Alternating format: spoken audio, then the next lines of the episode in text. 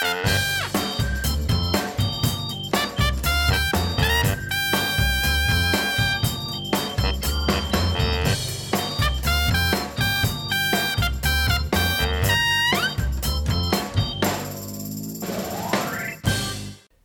zijn hier in het mooie Urk. In de pastorie van dominee Uitslag. Christelijk gereformeerde predikant. Dominee, van harte welkom in de CIP-podcast. Dankjewel. Heb ik het goed gezegd dat ik in de pastorie van dominee Uitslag eh, zit? Want het is toch een pastorie? Dit is de pastorie. Ja. Daar zit je in de studeerkamer. Juist, juist. Van de christelijk gereformeerde kerk. Ja, Die staat hiernaast, zag staat ik. hiernaast Ja. de Ebenezer gemeente. Dus je hoeft niet ver te lopen om eh, naar de kansel te lopen, zeg maar, op zondag, hè? Eén keer per zondag niet. Hè? Want eh, wij hebben een eh, gemeente met ook twee kerkgebouwen. Oké. En eh, waar je dan 's ochtends spreekt, eh, dat kan dan hiernaast zijn. Dan preek ik 's middags in ook de Pnielkerk. Dat is ongeveer een kilometer of twee hier vandaan. Ja. Ja. en ja. dan heb je dus nog lekker een stukje om te lopen.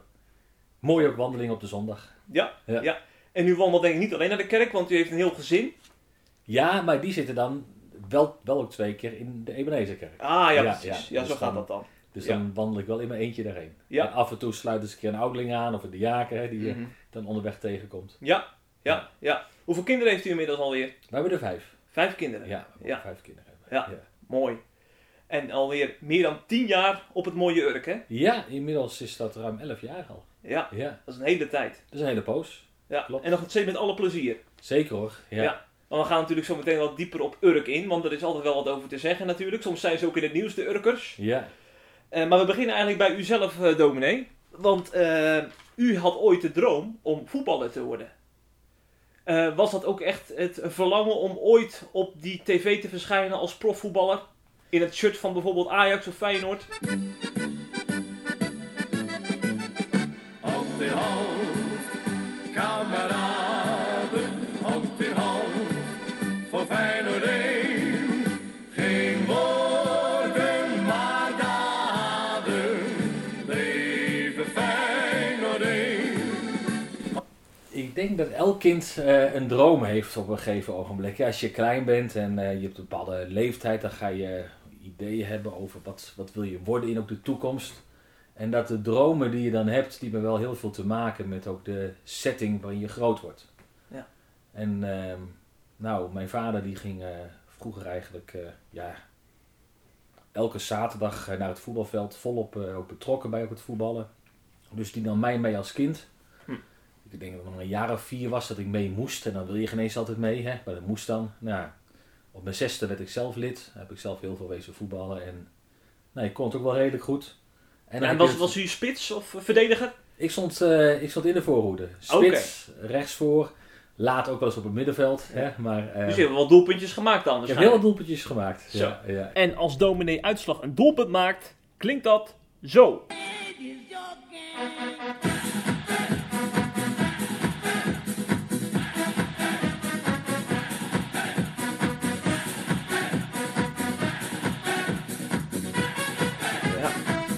Maar dan heb je als kind heb je natuurlijk wel een bepaalde wens. Dan denk je van ja, dat, dat zou mooi zijn als je in die grote stadions eh, kunt spelen. Waar eh, iedereen je zit toe te juichen en zo. Hè? Ja. Maar net wat ik zei van, ik denk als je als jongen in een ander soort gezin was groot geworden, had je weer andere dromen gehad. Hè? Je droom heeft natuurlijk wel te maken met in welke omgeving Ja. leef je.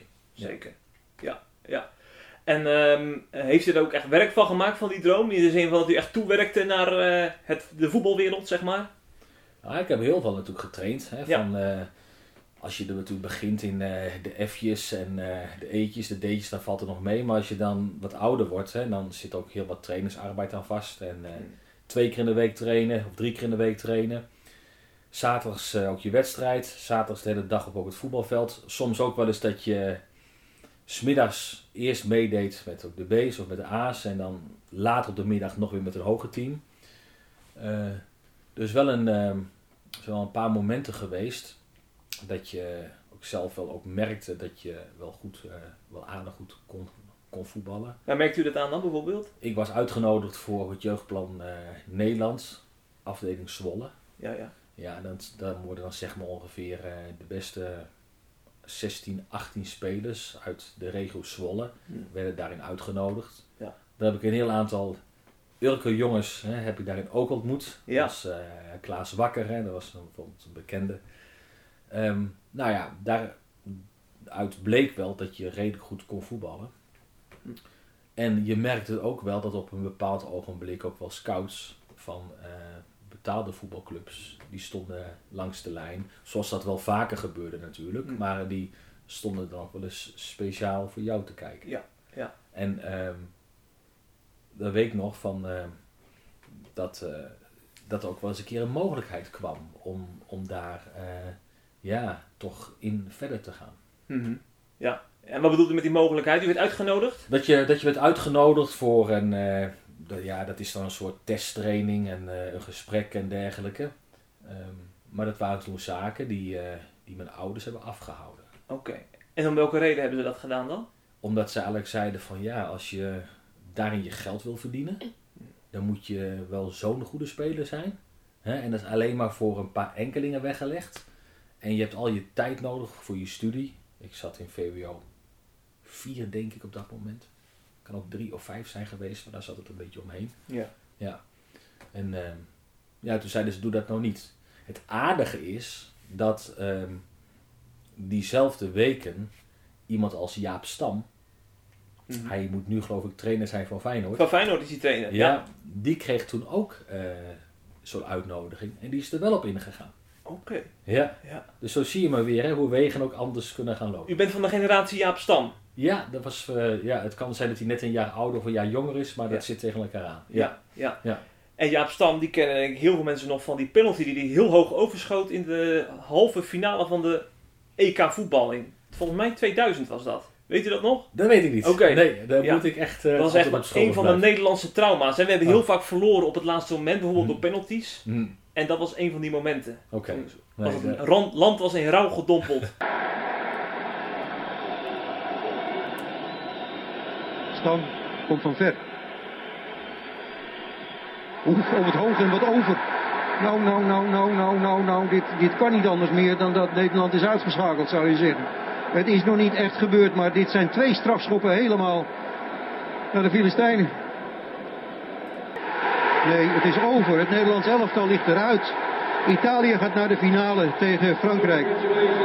Op een gegeven moment heeft u eh, een ommekeer meegemaakt, hè? Als het gaat om eh, uw voetbaldroom en eh, uw carrière, zou ik maar zeggen. Nou, kijk, ja, de- hoe, hoe gaan zulke dingen? Van net wat ik zei, van juist door de keuze te maken dat je ook kiest voor je studie, Ja, wil het ook zeggen dat je daar ook je tijd aan moet besteden. Ja. En eh, een VWO-opleiding, dat doe je er niet zomaar even bij. Hè? Dat vraagt ook wel goed leren. En zodoende eh, was ik daar al mee bezig en eh, zoeken naar een vervolgopleiding. Wat ga ik daarna doen? Heb ik gekozen voor een HBO-opleiding aan de toenmalige HAO in Leeuwarden. Dat had ook weer consequenties. Je moest op kamers wonen. Dus eh, ja, voetbal op het allerhoogste niveau werd daardoor lastiger. Ja. Want je kon niet meer meetrainen. Mhm. Dus ik kwam een eh niveautje lager daarin. eh, op dat moment. Hè, van, en tegelijkertijd zat ik toen al een hele poos met de vraag van, wil ik dit nog? oké. Op het voetbalveld merkte ik hè, dat je een bepaalde mentaliteit hebt. Kunt u die mentaliteit omschrijven? Ehm,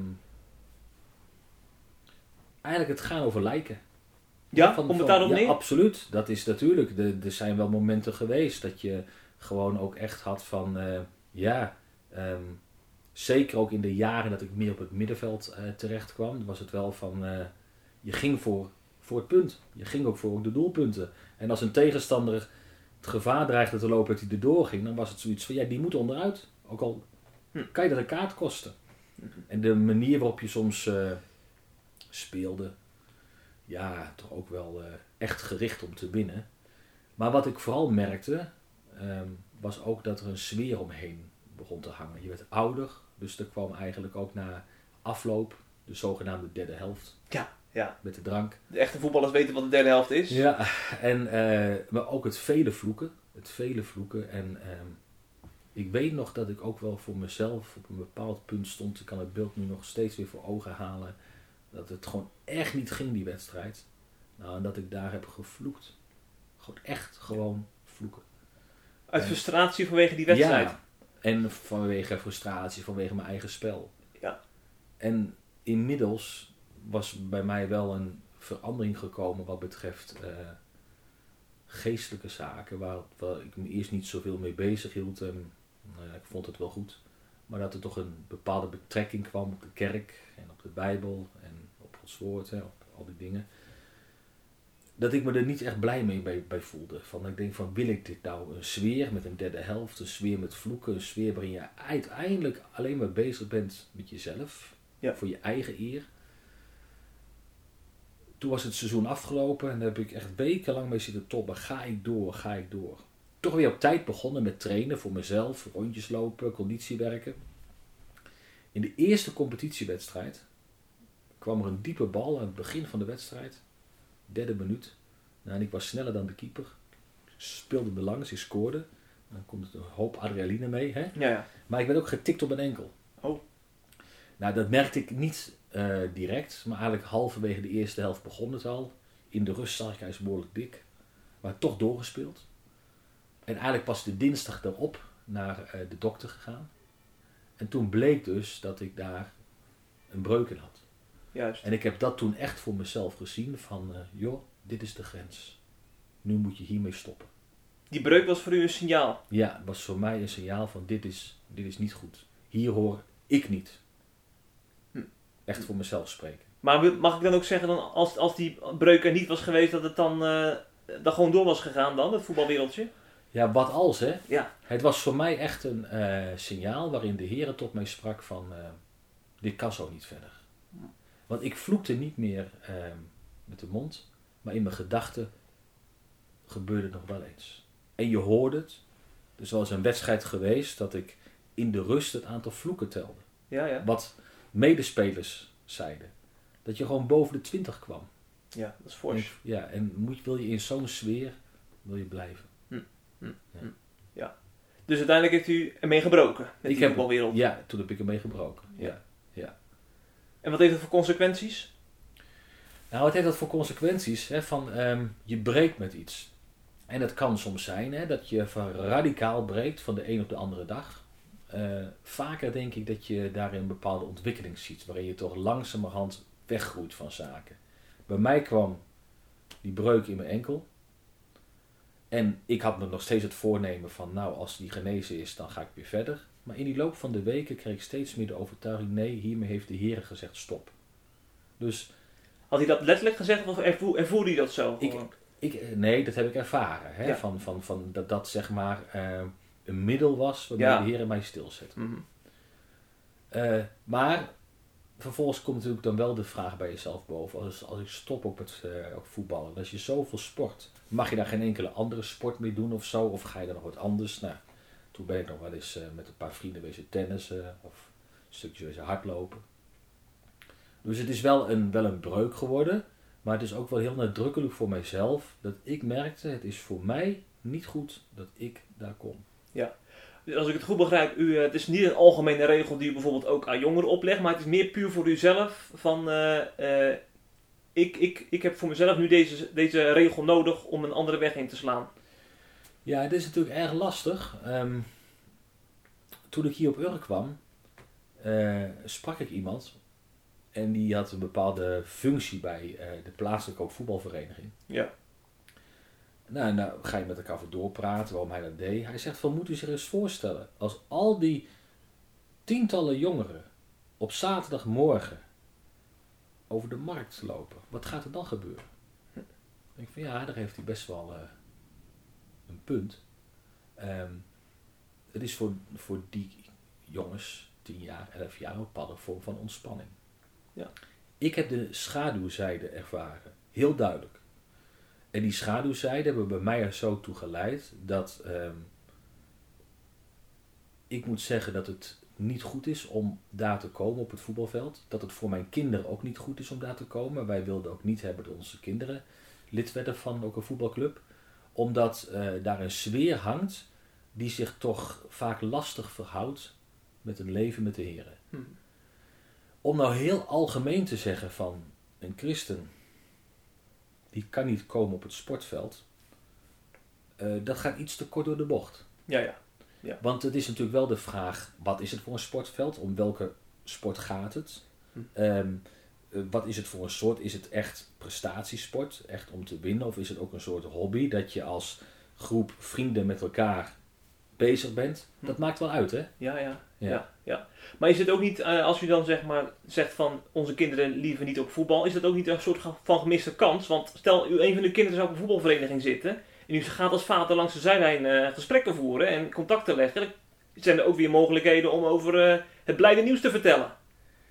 Ja, dan kun je natuurlijk eh, overal gaan komen. Hè? Eh, in, Ja. in ook eh, die ook redenatie. Van, je moet natuurlijk ook wel zeggen van... eh, ehm, het moet ook passen. Hè? Van, je kan niet te pas en te onpas overal gaan spreken over het evangelie. Hm. Hè? Van, het moet ook wel in een bepaalde setting, in een bepaalde sfeer zijn.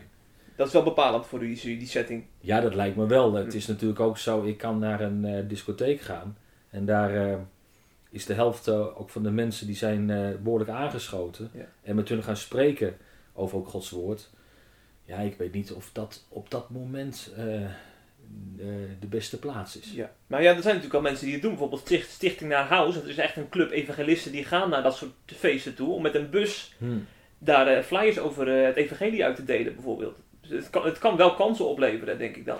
Nee, kijk, en dat is ook zo. Hè, van, en je moet dat ook niet meteen daarin eh, ook gaan afkeuren. Er zijn ook mogelijkheden om bij de ingang, zeg maar, Ja. hè, van ook eh, jongeren daarop aan te spreken. Hm. Maar ik heb nu over het punt hè, van als je er echt middenin zit, Ja, ja. is dat nou dan de plek om daar... eh, Dat is een ander verhaal. ja. Begrijp ik. Dus eh, op een gegeven moment eh, bent u toch een andere weg ingeslagen. Bent u dus dominee geworden. Ja. En nu alweer 11 jaar op Urk. Ja. Waarom dan duizend jaren zee een heuvelspalt, rustig in de woeste boren, daar is mijn geboortegrond.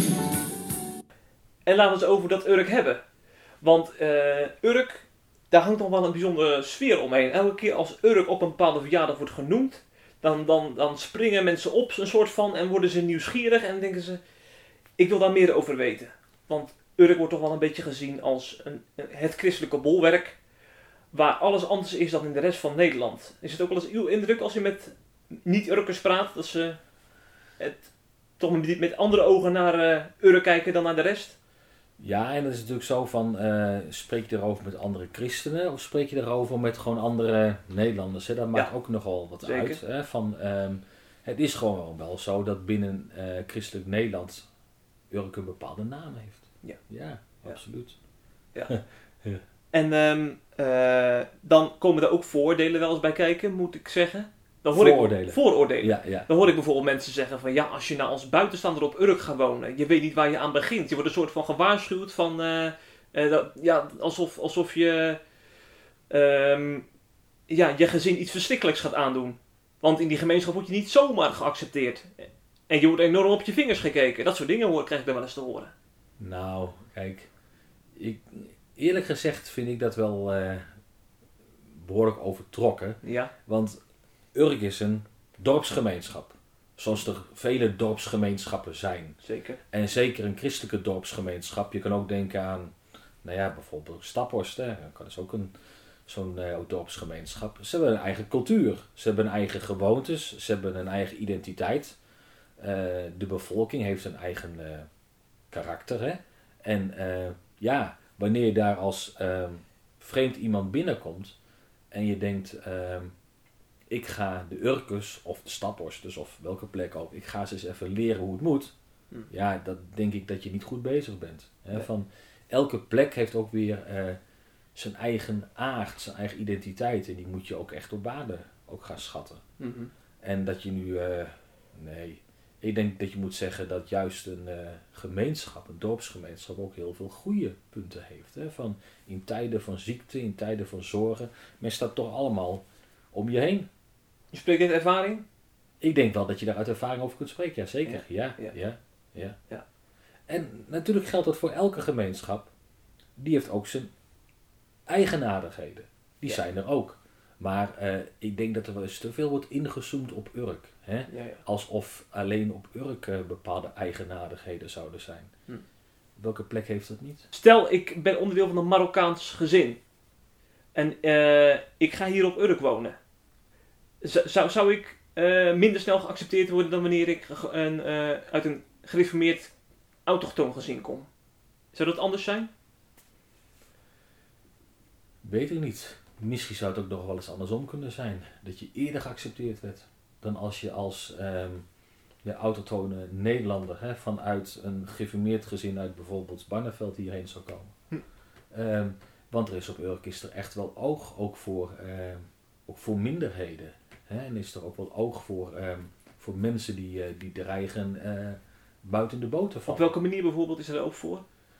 Nou, dat er ook echt, denk ik, juist ook op Urk ook heel veel eh, eh, vrijwilligerswerk gedaan wordt onder ehm, asielzoekers. Dat er ook heel veel oog is, ook voor ehm, ja, ook, eh, mensen aan de onderkant van de samenleving. Ja. En het hangt natuurlijk altijd heel veel af van hoe stelt iemand zich op.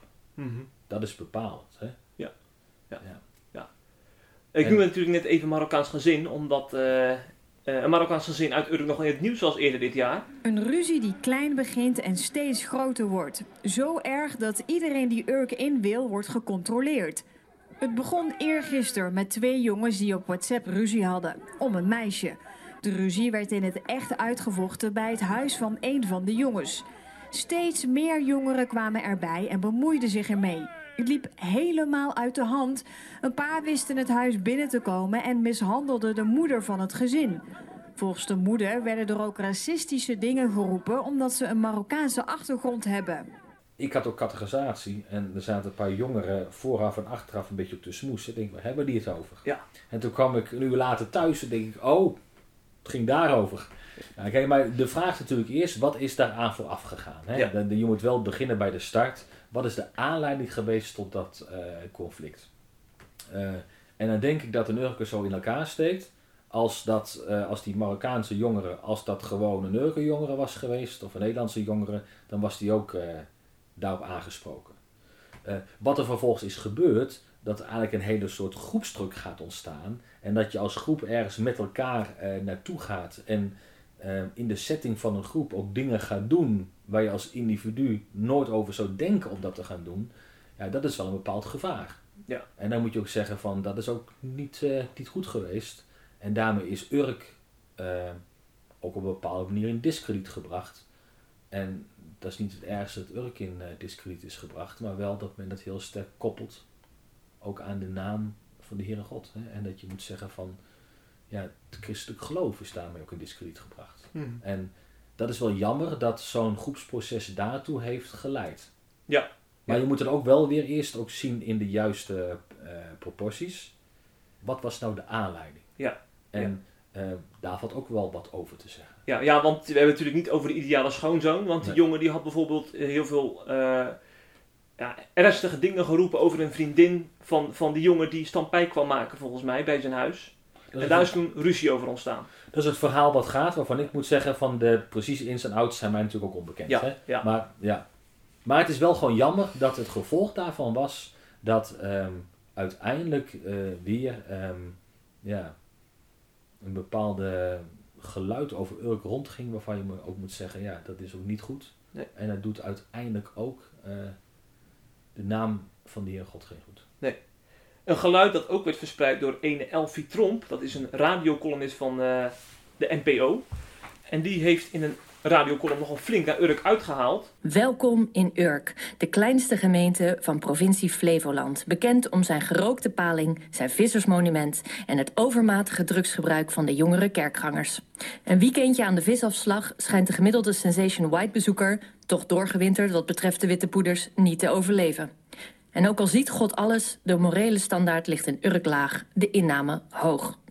Welkom in Urk, waar de kleingeestigheid hand in hand gaat met de inteelt. En ja, dat mag ik zeggen, want het is zo. Het dorp heeft zelfs zijn eigen afwijking, de ziekte van Boegem. Dat is een erfelijke ziekte die enkel en alleen in Urk voorkomt. Inteelt, je wordt er nooit slimmer van, maar wel racistischer, zo blijkt. Want nu duidelijk is geworden dat de klimaatdoelen bij lange na niet gehaald worden door dit kabinet en de stijging van de zeespiegel een feit gaat worden, zie ik toch langzaam aan de voordelen ervan in. Sommige stukken van Nederland zijn zo door en door rot dat ze maar het beste teruggegeven kunnen worden aan de zee. Wat mij betreft mogen ze de dijken alvast doorsteken bij Urk. Jammer van de gerookte paling, maar beter voor de rest van het land. Eigenlijk zijn ze kort gezegd van Urk zou het beste de zee moeten indrijven. Want het zijn allemaal mensen die, eh, eh, ja, die een soort van incestueus zijn en niks toevoegen aan ons land. En nu zelfs ook nog eens eh, een, een PVV-achtige uitstraling hebben. Dus weg ermee. Dat Ja. kwam het eigenlijk op neer, hè? Maar dat, dat verbaast mij nou zo. Hè. Mensen die spreken over tolerant zijn, mensen die spreken over de ruimte geven aan anderen. Het zijn vaak de mensen die zelf geen enkele ruimte geven aan mensen die anders denken dan Ja. zij. Ehm, ze eisen voor zichzelf ruimte op, maar ze gunnen de ander geen centimeter. En eh, het is voor mij onverklaarbaar en onbestaanbaar dat, dat zoiets eh, gezegd mag worden. Hè? Ja. Van wat uiteindelijk eh, geeft ze daarmee aan, laat gewoon 20.000 mensen in het water zakken. Mhm. Dat is eigenlijk wat ze aangeeft, de dijken doorsteken. Ja, ja. Dat is nogal wat. Zeker. En dan hoor ik bijvoorbeeld een paar maanden later hoor ik ergens in een ander medium hoor ik weer dat een, een flink aantal Marokkaanse jongeren, bijvoorbeeld in een zwembad in Rotterdam, dat die eh, meisjes eh, hebben aangerand, eh, ook eh, hebben bedreigd. En dan hoor ik weer geen Elfie Tromp over zeg maar een minderheid die, die moet worden weggedreven. Dan blijft ze stil. Nee, maar, dat is, maar dat is in alle dingen ook de selectieve verontwaardiging. Ja. Hè? Dat is in alle dingen de selectieve verontwaardiging. Die zie je op heel veel treinen in de Nederlandse samenleving, zie je die, zie die ook terugkomen. Van, ehm, het is geen probleem dat je tegen de christenen aanschopt. Maar ehm, andere groeperingen, daar moet je heel voorzichtig mee zijn. Met de fluwelen handschoen moet je die als het ware behandelen. Ja. En ehm, ja, dan denk ik van, is dat wel altijd eh, recht hoe dat gaat? Hoe, hoe, eh, want eh, Urk was in toen de tijd toch al behoorlijk in het nieuws. Eh, leeft dat dan ook zeg maar, hier in deze gemeenschap? Hè? Als dit soort columns verschijnen, als mensen mening over Urk hebben door zo'n incident? Of trekken ze zich hier niks van aan? Nou, dat incident heeft natuurlijk enorm geleefd. Hè? Ja. Van toegangswegen die waren afgesloten. Hè? Dat ver, hè? ja, dat ging heel ver. Eh, maar het is ook wel weer zo, en dat is het ook van... ehm, wat gisteren is geweest, is morgen alweer vergeten hoor. Oké. Zo gaat het Ja. ook wel weer. Hè? Maar ja, natuurlijk was er wel een bepaalde verontwaardiging. Hè? Van waarom wordt dit nu zo geroepen over Urk? En is dit nou wel terecht? Wordt niet alles over één kam gescheerd? En er zijn ook goede uitzonderingen. Er zijn positieve uitzonderingen. Waarom wordt er zo over gesproken? En u haalt ook nu eh, de schouders op als u nu terugkijkt op eh, die column bijvoorbeeld? Of kunt u zich nog wel een beetje opwinden over zo'n mevrouw Tromp? Dat gaat wel over uw gemeenschap, hè? Nou, mijn schouders ophalen. Ik moet eerlijk zeggen dat ik eigenlijk vooral een beetje medelijden met haar heb. Oké.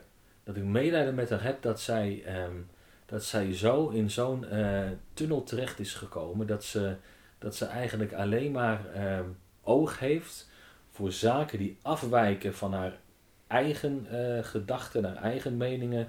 En dat ze totaal niet meer in staat lijkt te zijn om eh, kritisch te zijn op haar eigen handelen en haar eigen spreken. Want ja, als je zo'n haatkolom uitspreekt vanuit moeite die je hebt gehad met eh, de aanvallen vanuit een groep Urkenjongeren op dat Marokkaanse gezin, denk ik van, hé, hey, zit je niet op hetzelfde niveau nu bezig?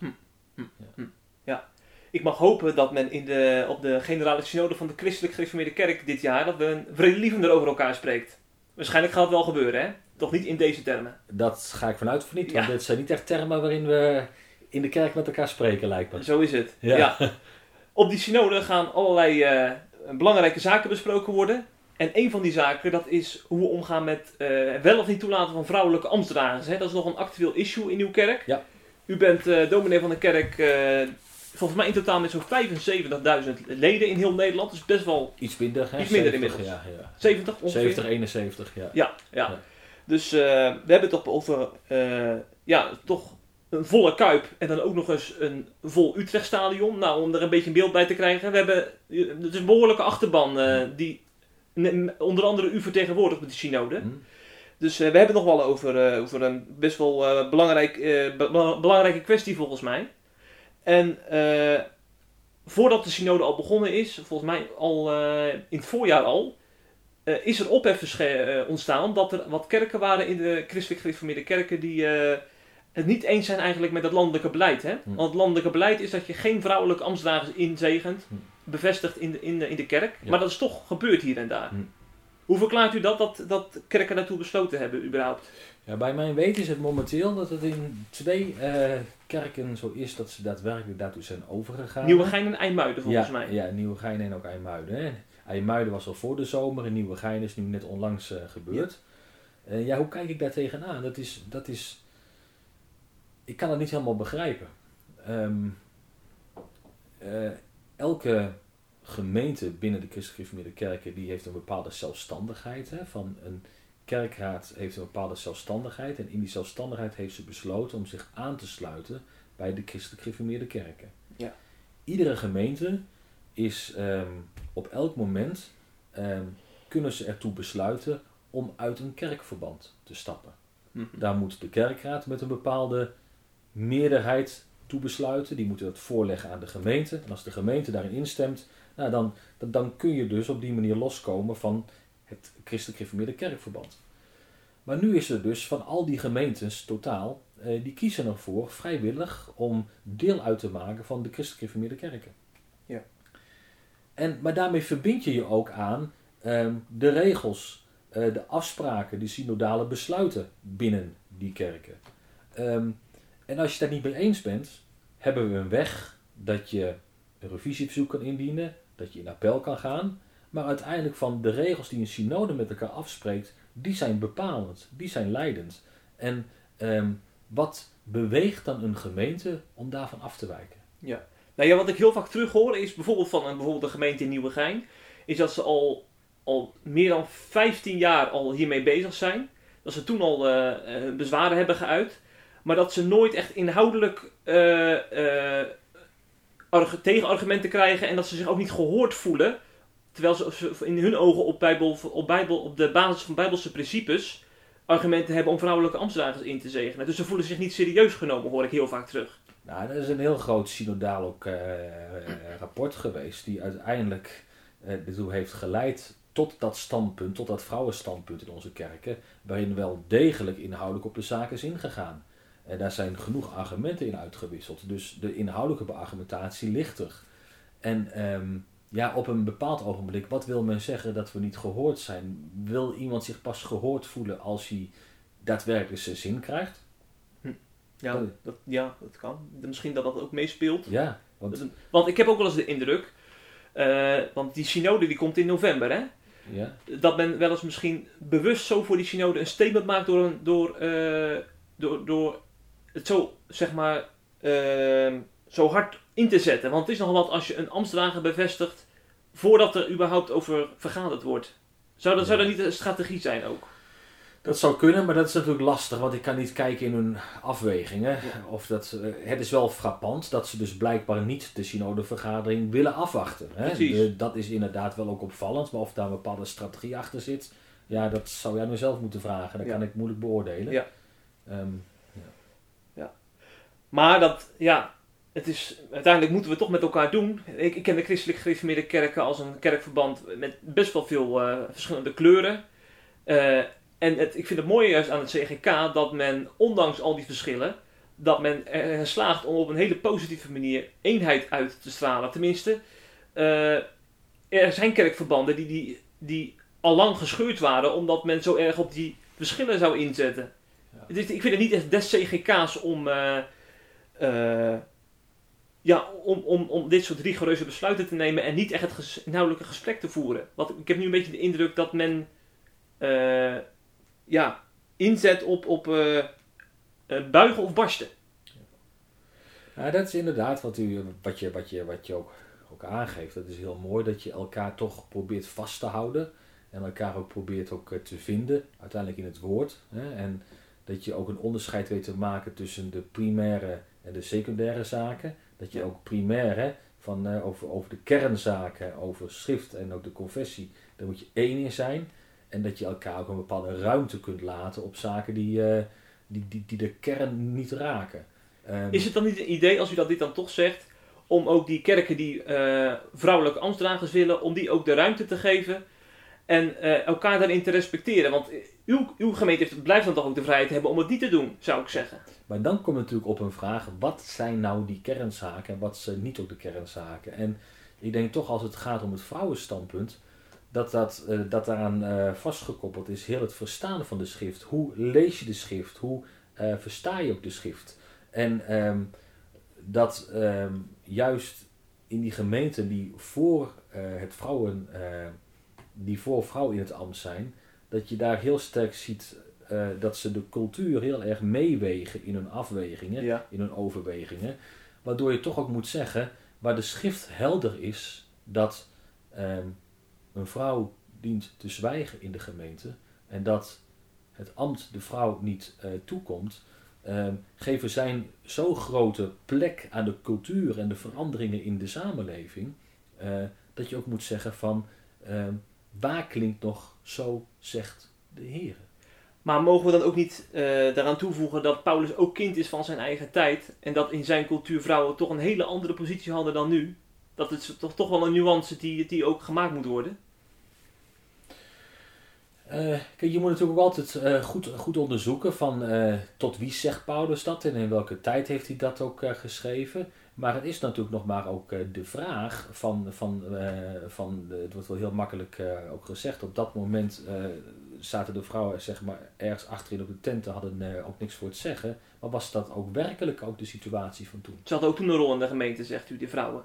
Nou, hier, hier loop je er tegenaan, hè, van dat je ook moet zeggen van uh, je moet goed kijken hoe de setting van de vrouwen was in de samenleving in die dagen, hoe de setting van de vrouwen was in de kerkelijke gemeente in die mm -hmm. dagen. En um, waar je, uh, naar mijn overtuiging, is het te simpel gezegd om te zeggen van ja, toen hadden de vrouwen nergens inbreng, dat is vandaag de dag veranderd, dus nu mogen vrouwen gewoon prima in het ambt. Nou, ik denk dat dat niet uh, recht doet aan de situatie zoals die er was, ook in de dagen van Paulus. Hm. En uh, waar je met name tegenaan loopt van um, Gods woord gaat eigenlijk altijd weer tegen de cultuur in. Voortdurend, voortdurend, voortdurend. Hè, zie je dat steeds. Hè? Van Gods woord staat haaks op wat de hm. wereld wil. Ja. En juist als dat woord, als dat dan toch heel nadrukkelijk aangeeft dat er uh, het leerambt, dat het ambt de vrouwen niet toekomt, ja. zou het dan niet zo zijn geweest als juist het woord als zo haak staat op de cultuur uh, van die tijd, dat er dan een bepaalde opening gegeven was, hm. als we het anders hadden moeten zien. Ja. Zullen we niet gewoon vast moeten houden aan hetgeen wat de schrift ons leert? En dan in elk geval op zijn minst in alle eerlijkheid zeggen van, oké, okay, de schrift zegt wel, um, een vrouw in het ambt hoort niet. Maar wij komen op grond van allerlei andere argumenten komen wij tot een andere overtuiging. Dan ben je daarin in elk geval een stuk eerlijker. Want vanuit de schrift zou ik niet zien hoe je ruimte kunt vinden voor de vrouw in het ambt. Hm. Ja. Nou ja, ik zie ook, uh, misschien zit het een beetje in de zijspoor, maar ik zie bijvoorbeeld ook dat we echt worden opgeroepen om vrucht te dragen. Hè, om onze gaven en talenten, hm. talenten in te zetten voor het koninkrijk van God. En dan, zie, en dan kijk ik gewoon naar de praktijk en dan zie ik bijvoorbeeld uh, in Nieuwegein, er zijn daar vrouwen, die hebben echt heel veel gaven en talenten. En dan zijn er vacatures bijvoorbeeld in de kerkraad. En eigenlijk passen die vrouwen er perfect in. En, en, en we leven ook in een tijd waarin veel mannen uh, nalaten om hun uh, taak op te nemen, want ze zijn druk met werk, met hun gezin. En, en er zijn er vrouwen die het wel op, op, op zich willen nemen en dan staat er een kerkorde in de weg. Ja, maar ik, eh, om daarin uh, ook voor te gaan, ik denk dat je ook moet zeggen, mannen, waar, waar zijn jullie? Ja. Neem je verantwoordelijkheid. Neem je verantwoordelijkheid. He, van, of is het zo dat juist tegenwoordig veel mannen vooral bezig zijn met hun eigen carrière, met, met hun eigen ding. Hè? En ja, maar die vrouwen die blijven dan wel die gaven en talenten houden. Dus, en, en, eigenlijk gooien ze die dan toch een soort van weg als zij dan uh, uh, ja, door, door, door een kerkregel niet in zo'n kerkraad mogen zitten?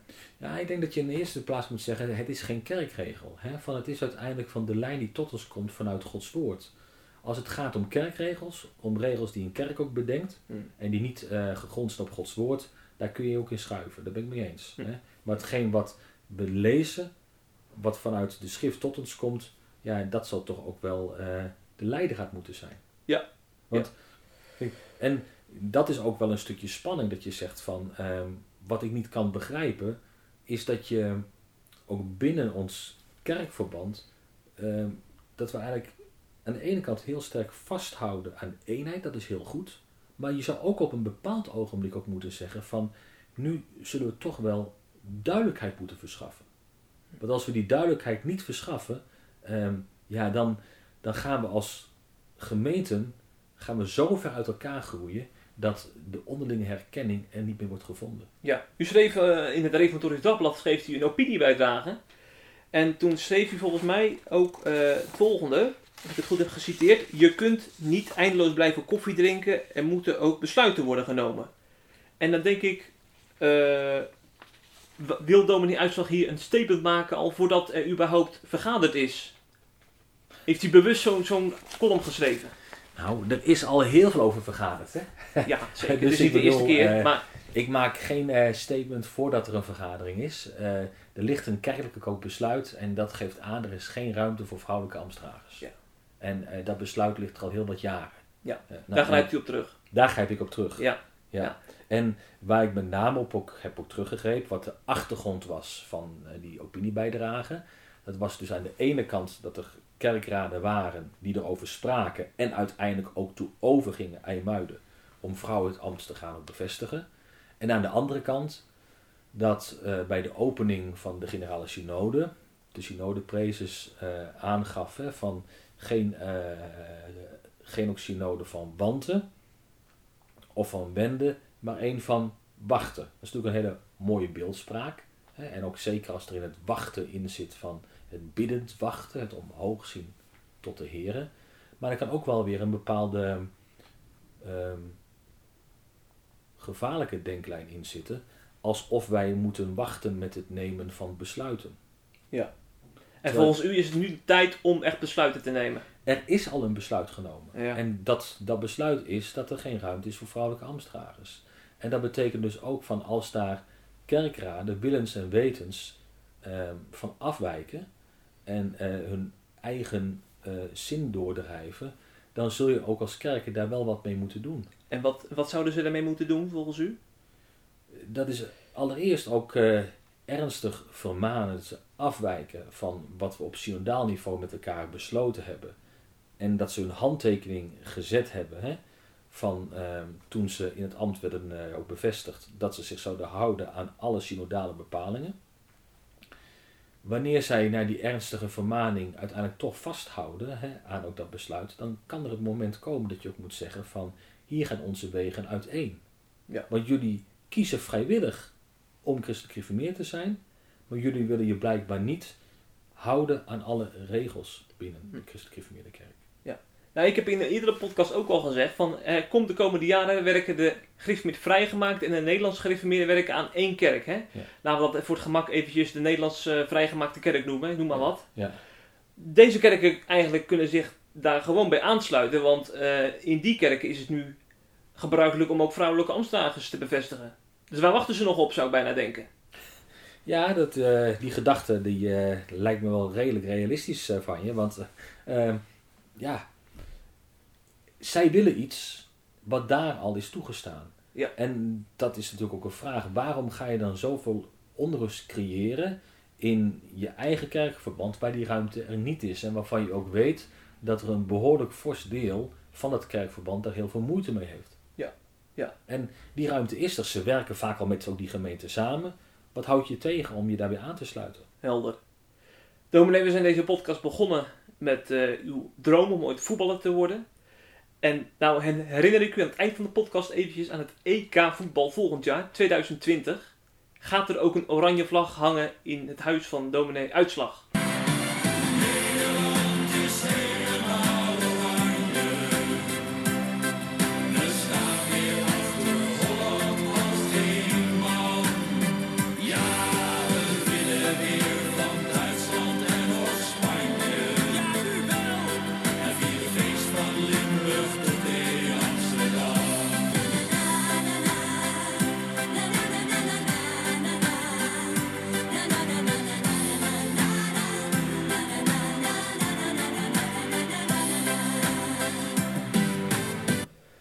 Een oranje vlag. Ja. Nee. Le- leven toch mee met onze oranje helden? Ja, nou, dat, eh, Dat zie ik, eh, dat zie ik niet zitten. Gaat u wel kijken af en toe een wedstrijdje? Ik ga ook niet kijken op een wedstrijd. Heeft u zich echt helemaal van die voorbeelden afgekeerd dat u zelfs geen Nederlands elftal eh, gaat kijken op een Europees kampioenschap? Weet je, weet je waar je tegenaan loopt? Hè? Van als ik in de auto zit en ik doe het nieuws aan, dan krijg je van alle kanten nog wel eens sportuitslagen mee. Ja. Dus bedoel, daarvan blijf je op een of andere manier, komen wel dingen ook tot je. Maar dat ik nou moet zeggen van, eh, ik zie er naar uit om eh, op een woensdagavond 8 uur voor, eh, ergens te gaan zitten om ook die wedstrijd te gaan kijken. Nee, daar heb ik geen behoefte meer aan. Hè? Van, uiteindelijk moet je zeggen, er is een andere wedstrijd, hè, is er geweest. Hè? Hm. En daarvan heeft, daar is een overwinning behaald door de Heer Mhm. Jezus Christus. Hè? Die heeft de overwinning behaald over de grootste tegenstander. Ja. De vorst der duisternis, de Satan. En het is veel belangrijker hè, van, dat, eh, dat je daar zicht op mag krijgen. En dat voor jezelf waarde heeft en betekenis. En er kan er genoeg omheen zijn. En dat kan ook bij je leeftijd horen. Dat sommigen daar misschien wat meer op ook betrokken zijn. Maar eh, voor mij hoeft het niet. Ja. Dat houdt je ook van heel veel andere dingen af. Duidelijk. De Hoop Nederland was een veelzijdige podcast. Voetbal, eh, CGK, Urk. Heel veel dingen zijn langsgekomen. En ik wil u dan ook danken voor de tijd. En dat ik hier in de pastorie mocht plaatsnemen. Wederzijds, ook hartelijk dank. Tot de volgende keer. Yes.